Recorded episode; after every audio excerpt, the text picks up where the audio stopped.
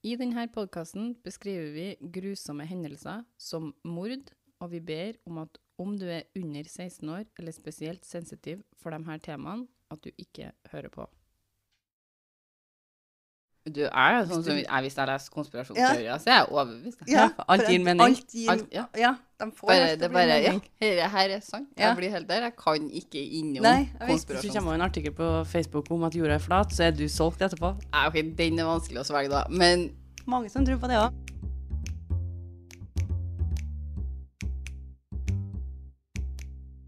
hei, hei, alle sammen.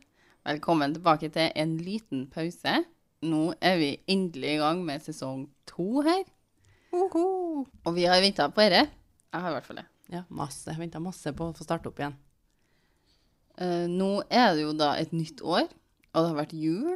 Og vi har fått beskjed om å ikke ha besøk på 14 dager her, sånn at hele podkastproduksjonen vår gikk jo litt i stå. da. Ja, for det vi skulle gjøre under den lille pausen Det var jo da å ta opp litt episoder, så vi Ja. kom litt foran oss sjøl.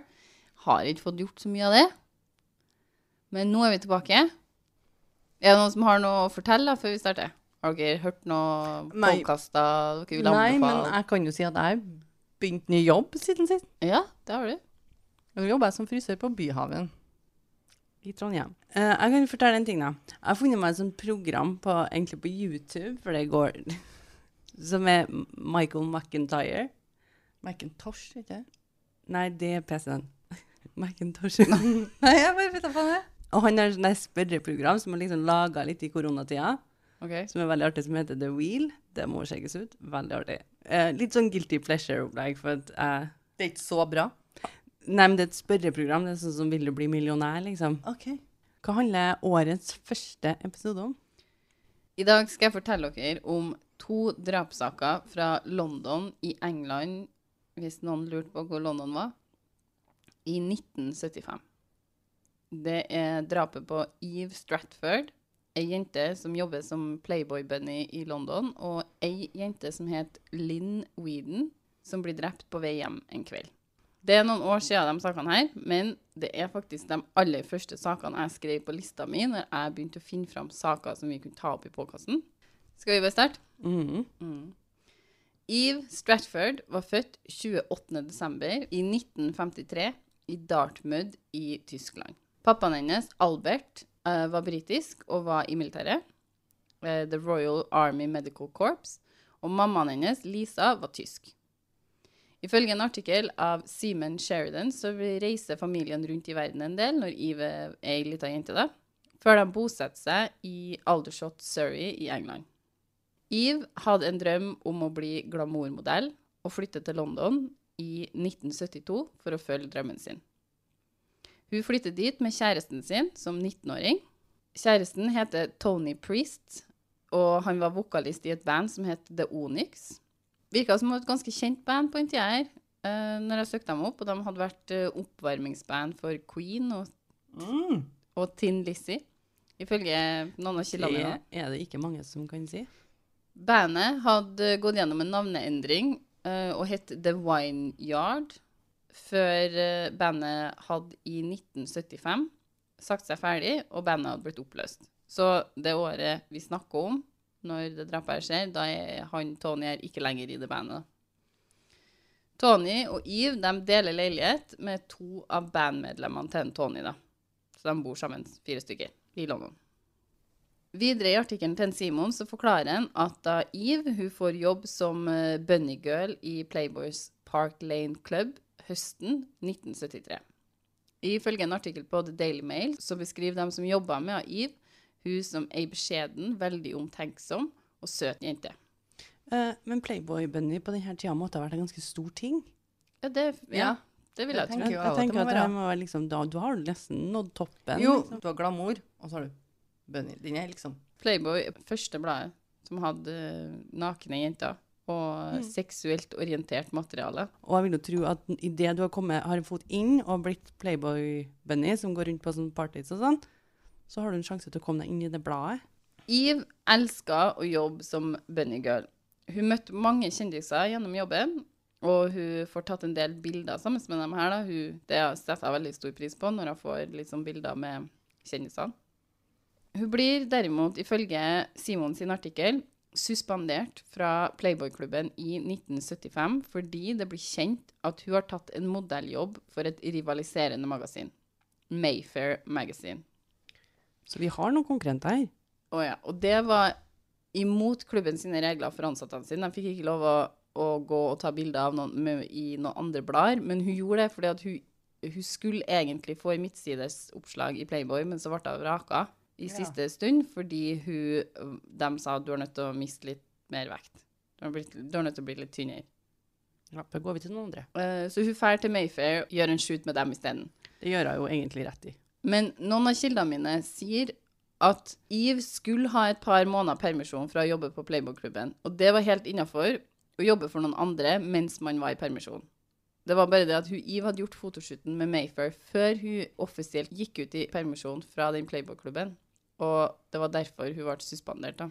Eve blir avbilda på frontsida av Mayfair og på ni sider inni bladet. Hun er intervjua under navnet Eve von Borch i mars 1975. Samme måned som drapet skjer, så er hun avbilda i Mayfair. Og Eve er 21 år på det tidspunktet her, da. Ifølge det som står om saken på Free Library, så snakker Eve i intervjuet i Mayfair om at sex should be fun, og at hun likte å bli dominert under sex. Hun presiserer at hun ikke mener sånn spenka eller bundet eller noen sånne ting, liksom. Bare, som hun sier, da, 'kept in my place'. Og jeg nevner bare det fordi det blir spekulert i om det her intervjuet er det som gjør at Eve blir singla ut i første omgang. Altså sånn i forhold til det drapet her, da. Altså, jeg bryr meg ikke om hun. Hun må for all del like akkurat hva hun vil under sex, liksom. Det er ingenting å si for meg. Men, men de spekulerer på om det hun sier i artikkelen, har noe å si for at hun ble drept, da. Det her er jo lenge før mobilen sin tid. Og Eve hun farta mye rundt i London. De hadde ingen måte å finne ut hvor hun hadde vært hen, eller hva hun hadde gjort. Eh, for hun er jo suspendert fra Playboy, så hun er mye hjem. Sammen med kjæresten sin i leiligheten deres. I, Med de toene de bor med. ja, blant annet. Også, Ja. sånn, hun er hjemme med dem, eh, men hun driver og farter litt rundt. De vet egentlig ikke hva hun holder på med, eller hvem hun har møtt, eller noen verdens ting. Så egentlig så kunne hun bare dratt på en butikk og gått seg en tur i skogen. Absolutt. Trenger ikke å være Ja, men hun kunne jo ha møtt noen som har noe å si for altså, sånn, De vet jo ikke. Ja, du kan jo møte en elsker. Blant annet. Sant? Man vet ikke helt hva hun holder på med. Det er på kvelden 18. mars at Tony kommer hjem og finner Eve drept i leiligheten deres. I leiligheten òg, ja. Og jeg skal ikke gå sånn kjempedypt inn på alle detaljene, men, men om det er noen som ikke vil høre det grafiske rundt mordet, så kan man hoppe 30 sekunder fram. Så er vi ferdig med det. Eve blir funnet liggende på senga med hendene betta bak ryggen med et skjerf, og ene nylonstrømpa hennes hengende fra ene foten, ifølge artikkelen til Huffington Post. Og halsen hennes er blitt skåret over mange ganger. Sånn mellom åtte til tolv ganger. Oh, shit, det må jo være sånn overkill-opplegg. Hun er òg knivstukket flere ganger, men drapsvåpenet blir aldri funnet. Men må, det må jo være noen som kjenner henne veldig godt, da. For det er jo ingen som Naboene forklarer at de hørte en mann og ei dame snakke rolig i en helt vanlig samtale, før de hørte et dunk, ganske høyt dunk, i leiligheten hennes. Og så forlot noen leiligheten ikke lenge etter det her. Og hun ikke bundet på noe vis, men at de hadde en teori om at morderen må ha holdt for munnen hennes mens han gjorde det. Hun blir funnet i undertøy, veldig pent undertøy, med en neglisjé over. Det ligger òg en blomsterbukett ved siden av henne. Og det er litt uklart egentlig om det var Eve som har kjøpt den her til seg sjøl, eller om det er morderen som har lagt den igjen. Var det noe jeg pleide å gjøre? Kjøpe blomsterbukett til seg sjøl? Ikke som jeg fant ut av, men det var noen kilder som sa at det var funnet ut at hun hadde kjøpt den sjøl. Mens okay. andre sa at den her var lagt igjen av morderen. Så, du, altså, så det her er en, en eller annen sånn fan? Men hun Den, hadde jo den blomsterbuketten her var også veldig lik de blomstene som hadde vært avbilda sammen med henne i Mayfair. da. Ja, Oi, så så der, ja. litt sånn stakkalig. Men hun har jo pynta seg. Ja, men det kan jo være at det går sånn ellers òg, da. Hun har jo en, hun har jo en kjæreste Jo. som kommer hjem etter hvert òg. Og hun har jo, jobber jo i en der hun sikkert får noe klær. Politiet legger vekt på å finne ut hva Eve hadde gjort før hun kom til leiligheten. Men de finner ikke ut så veldig mye. De eh, finner egentlig bare ut at hvordan tube station hun tok på vei hjem. Eh, og teorien deres blir uansett da at morderen hadde sett Eve i Mayfair-bladet, funnet ut hvor hun bodde, og fulgt henne hjem når hun dro hjem den kvelden. Og venta til hun åpna døra, før morderen trang seg inn i leiligheten sammen med henne. Fordi det er ingen tegn på innbrudd. Det er jo det jeg tenker. Jeg tenker jo kjæresten, da. Men kjæresten, han eh, er aldri mistenkt i denne saken her. Og mest sannsynlig for at han har ganske godt alibi, for han var på jobb Ja, den dagen. Så han, Han har mest sannsynlig sjekka opp og De er fornøyd med aldri nevnt at han er et mistenkt i denne saken her. Men så er det det her med at naboene som har hørt en mann og en dame snakke. Nå sier jo de at det her er en fyr som har brøttet seg inn i leiligheten med henne, sant? Uh, og de sier jo at de snakka helt rolig sammen, uh, bare timer før Iv blir funnet drept. Ja, så da må de jo kjenne Og det er ikke noe tegn på innbrudd i leiligheten. Eve var òg ei jente som fanga blikket til folk. Hun var populær blant både menn og kvinner. Hun var på mange fester i regi jobben sin som Playboy-bunny. Og det er teorisert om at hun kanskje hadde en elsker. Det er en teori. Det er ingen som liksom har sagt spesifikt at det har skjedd. Noen av jentene hun jobba med, sier at sjefen deres favoriserte henne en del, og at han kalte henne favoritten. Og noen av dem sier at han noen gang kalte henne kjæresten min, eller my girlfriend. da. Men hva er eh, de hun- de har bodd med, da? De er aldri nevnt. Ifølge Free Library så blir politiet sin teori om at noen hadde fulgt henne hjem den kvelden, svakere når det viser seg at Eve hadde hatt sex mellom den tida hun kom hjem, og til hun ble drept. Det er selvfølgelig mulig at hun ble voldtatt, sier jeg. Det er mulig at hun ble tvunget til det. Hun Hun blir jo funnet i pent undertøy og neglisjé, så det, de tror jo at hun kanskje muligens har venta på noen. Eh, men det er flere grunner som blir liksom løfta fram her. Da. Det kan jo være at hun hadde en elsker, selvfølgelig. Men det kunne jo være at, som Martine sa, hun venta på en Tony. Mm. Bare pynta seg.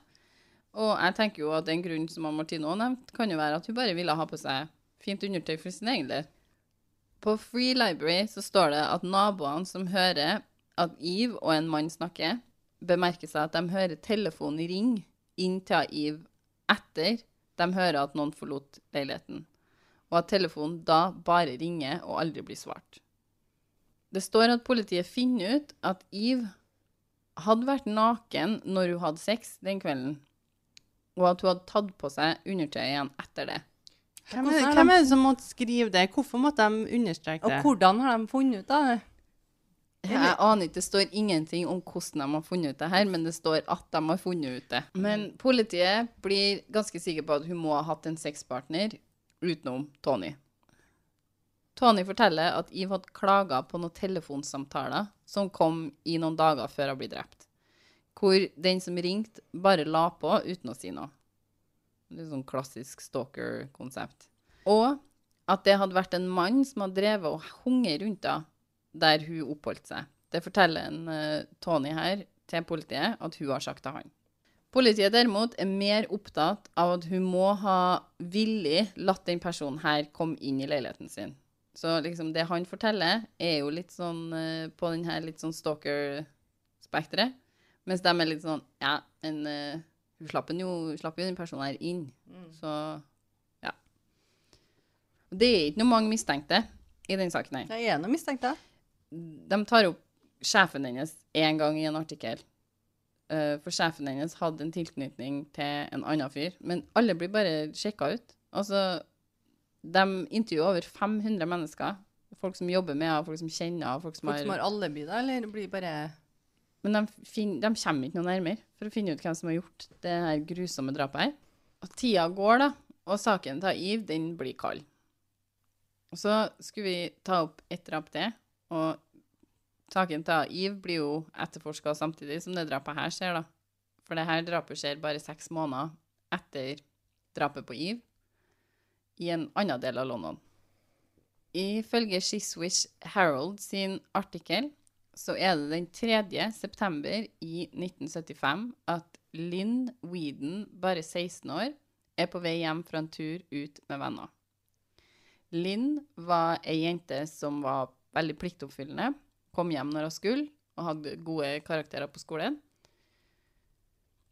Hjemmet hennes var i Honslow i London, og hun bestemte seg for å ta en snarvei på vei hjem, og gikk ned i sidegate som var kjent som The Short Hedges. Ifølge artikkelen til Considering Cold Cases så blir Lynn slått i hodet når hun går ned den snarveien her. Og så blir hun voldtatt og etterlatt til å dø. Den som gjør det her mot Linn, klarer å dytte henne over et gjerde, sånn at hun blir liggende inn på området til en strømstasjon. Og der blir Linn funnet neste morgen og blir brakt til sykehuset med en gang, fordi hun er fortsatt i live når de finner henne. Linn ligger på sykehuset i koma i ei uke før hun dør av skadene hun har blitt påført. Dødsårsaken blir fastslått til å være slag mot hodet. Men drapsvåpenet blir aldri funnet. Jeg føler ikke at det er en sånn kobling her nå. Første gang DNA blir brukt i en kriminalsak, er i 1986. Ganske mange år etter de drapene her. Og det leste jeg på Easy DNA sine sider. De drapene her skjer i 1975, og derfor er DNA ikke noe man brukte i kriminalsaker. Men de tok vare på det. De eh, tar vare på alt i de to drapene her. Mest sannsynlig tror jeg fordi det er sæd ved begge tilfellene. Men jeg har også hørt at eh, ganske, de, de gikk ganske langt tilbake når de begynte å samle på DNA, fordi at de i håp om at det skulle bli eh, nyttig i, i framtida. Linn sin sak blir også kald, sånn som Yves sin. Og i 2004, nesten 30 år etter drapene har skjedd, så tar de opp saken til Linn igjen for å se om det er noe bevis som kan brukes med den fremgangen i teknologi de har på det tidspunktet. De kjører DNA som blir funnet på åstedet gjennom databasen sin, og får ingen bekreftelse på identiteten til denne personen. Denne personen er ikke i datasystemet. Men ifølge GeneWatch så begynte ikke Storbritannia å registrere DNA i DNA-register ved fengsling av folk før i 1993. Ok, Så den personen her må ha vært tatt inn i fengselssystemet f før, da? Før Nei, for i 1997 ble det bestemt at politiet kunne samle inn DNA-prøver fra dem som hadde allerede blitt satt inn i fengsel før databasen ble oppretta i 1993, om de var fengsla for kriminelle handlinger som involverte sex, ran eller vold. Så i 1997 kunne de gå tilbake igjen og si sånn Du var okay. fengsla i 1990, så vi tar DNA-et ditt og putter det i databasen. sant? Ja. Og det var jo bare sånn kort for å sette i kontekst om muligens hvorfor de ikke finner noe svar på hvem det DNA her tilhører, da. Men det betyr jo at DNA i Lynn sin sak ikke matcha noen som satt i fengsel. Eller i hvert fall ingen som har blitt fengsla etter 1993. Ja. Eller før det for sex, vold eller ran. da. Og hvis den personen har sittet inn i fengsel, så kunne han jo ha vært ute allerede før de begynte å samle inn. Absolutt. Mm. De finner ut noe annet derimot. De får et treff i systemet sitt. Det matcher på en annen sak. Og det er sånn de klarer å linke Linn og Eve sine saker sammen. 30 år etter det skjedde. Det var omtrent ingenting annet med de sakene her som kobla dem sammen. Det var forskjellige drapsmetoder. Det var forskjellig alder på ofrene. Det ene var et grusomt overgrep. Det andre var det veldig uklart om det var et overgrep overhodet Ja. involvert. Så de blir jo ganske overraska, for de har egentlig aldri tenkt at de her sakene kunne ha vært samme person. Og det gjør at politiet tar opp saken til Iv igjen også. Jeg liker at nå har de begynt å rydde litt i sakene sine. Og ifølge Richmond and Twickenham Times sin artikkel så gjør de en runde på begge drapene på Crime Watch i 2007. Hvor de gjør en rekonstruksjon av drapene og spør folk om hjelp til å løse dem. Det blir utløst en dusør på 40 000 pund for informasjon som kan lede til at sakene blir løst, ifølge The Sleeper Times. Men det er ikke kommet noe mer nytt i de sakene her. DNA-linken mellom de to er det siste gjennombruddet de har hatt. Men jeg føler ikke vi har fått noe klar på beskjed på hva som linka dem. DNA-et som de fant på Eve oh, ja. Sånn, ja. og. Linn, er samme DNA. Ja. Men det er spekulert i om det er et tredje drapsoffer her. Jeg skal ikke gå inn på det drapet her noe sånn voldsomt, dere skal ikke få noe sånn kjempeinnføring i det, men jeg skal bare gi dere en kort oppsummering, for det, det er som sagt bare en teori som kobler dem her sammen. I 1979, fire år etter drapene på Eve og Linn, blir 29 år gamle tobarnsmor Linda Farrow drept i leiligheten sin på en ganske lik måte som Eve blir drept på. I Linda sin sak er det ikke noe DNA-bevis. Men det ble ifølge Mystery Confidential funnet et drapsvåpen i denne saken. Og det blir også forklart videre i den artikkelen at det blir observert en mann som springer fra åstedet her, en mann i 30-årene, som har på seg jakke og støvler. Men det er ingen seksuell komponent i det drapet her. Å nei. Men det blir funnet noe håndavtrykk, da. Så det er ganske store forskjeller òg. Ja. Men drapsmetoden var veldig, veldig lik Eve sin, sin sak. Daily Mail sier at det ikke er noe tegn på innbrudd i saken til Linda. Videre i den artikkelen så står det at detektivinspektør Colin Sutton, som, Han hørtes utrolig kul ut. som leda etterforskninga som sendte seriemorderen Levi Belfield til fengsel, tok over i 2002 for å se over saken til Linda. Og det er han som kobler Linda sitt drap mot de to andre når de finner DNA-linken mellom Eve og Linn sine drapssaker. Colin uttaler seg og sier at Eve og Linn sine saker hadde mulighet for videre analyser fordi alt bevismaterialet hadde blitt tatt vare på og sjekka for DNA. Men det hadde ikke skjedd i Linda sin sak. Han her, vet du, han fiksa opp, han. Videre sier artikkelen at DNA-bevisene til Eve og Linn sine saker, det faktum at, at de ikke matcha noen, forteller jo oss at drapsmannen mest sannsynlig ikke har blitt arrestert de siste 20 årene. Men han har ingen tvil om at alle de her tre drapene er gjort av samme person. I The Sun-artikkelen om saken så står det at Colin uttaler seg om hvorfor han tror alle tre sakene er samme person. Han sier at det er veldig mange likheter mellom drapet på Eve og Linda, og at metoden som ble brukt, er ganske sjelden den dag i dag, til og med, men enda mer på 70-tallet. Han påpeker at det at det her har skjedd to ganger, lik fremgangsmåte og ganske nært geografisk i London, de bor ikke noe langt unna hverandre, det mener han er for stor tilfeldighet. da. Han påpeker også at Eve og Linda kun kobles sammen gjennom No West End-klubber som de begge oppholdt seg på, og at hans teori er at det er der de begge møter morderne. De gjør en ny runde 40 år etter drapene i 2015, og Simon sin artikkel forklarer at politiet går ut og ber om informasjon om Lynn og Eve sin drapsmann. Noel McHugh, en etterforsker, sier i et intervju The man who carried out these murders are now of a different, older generation.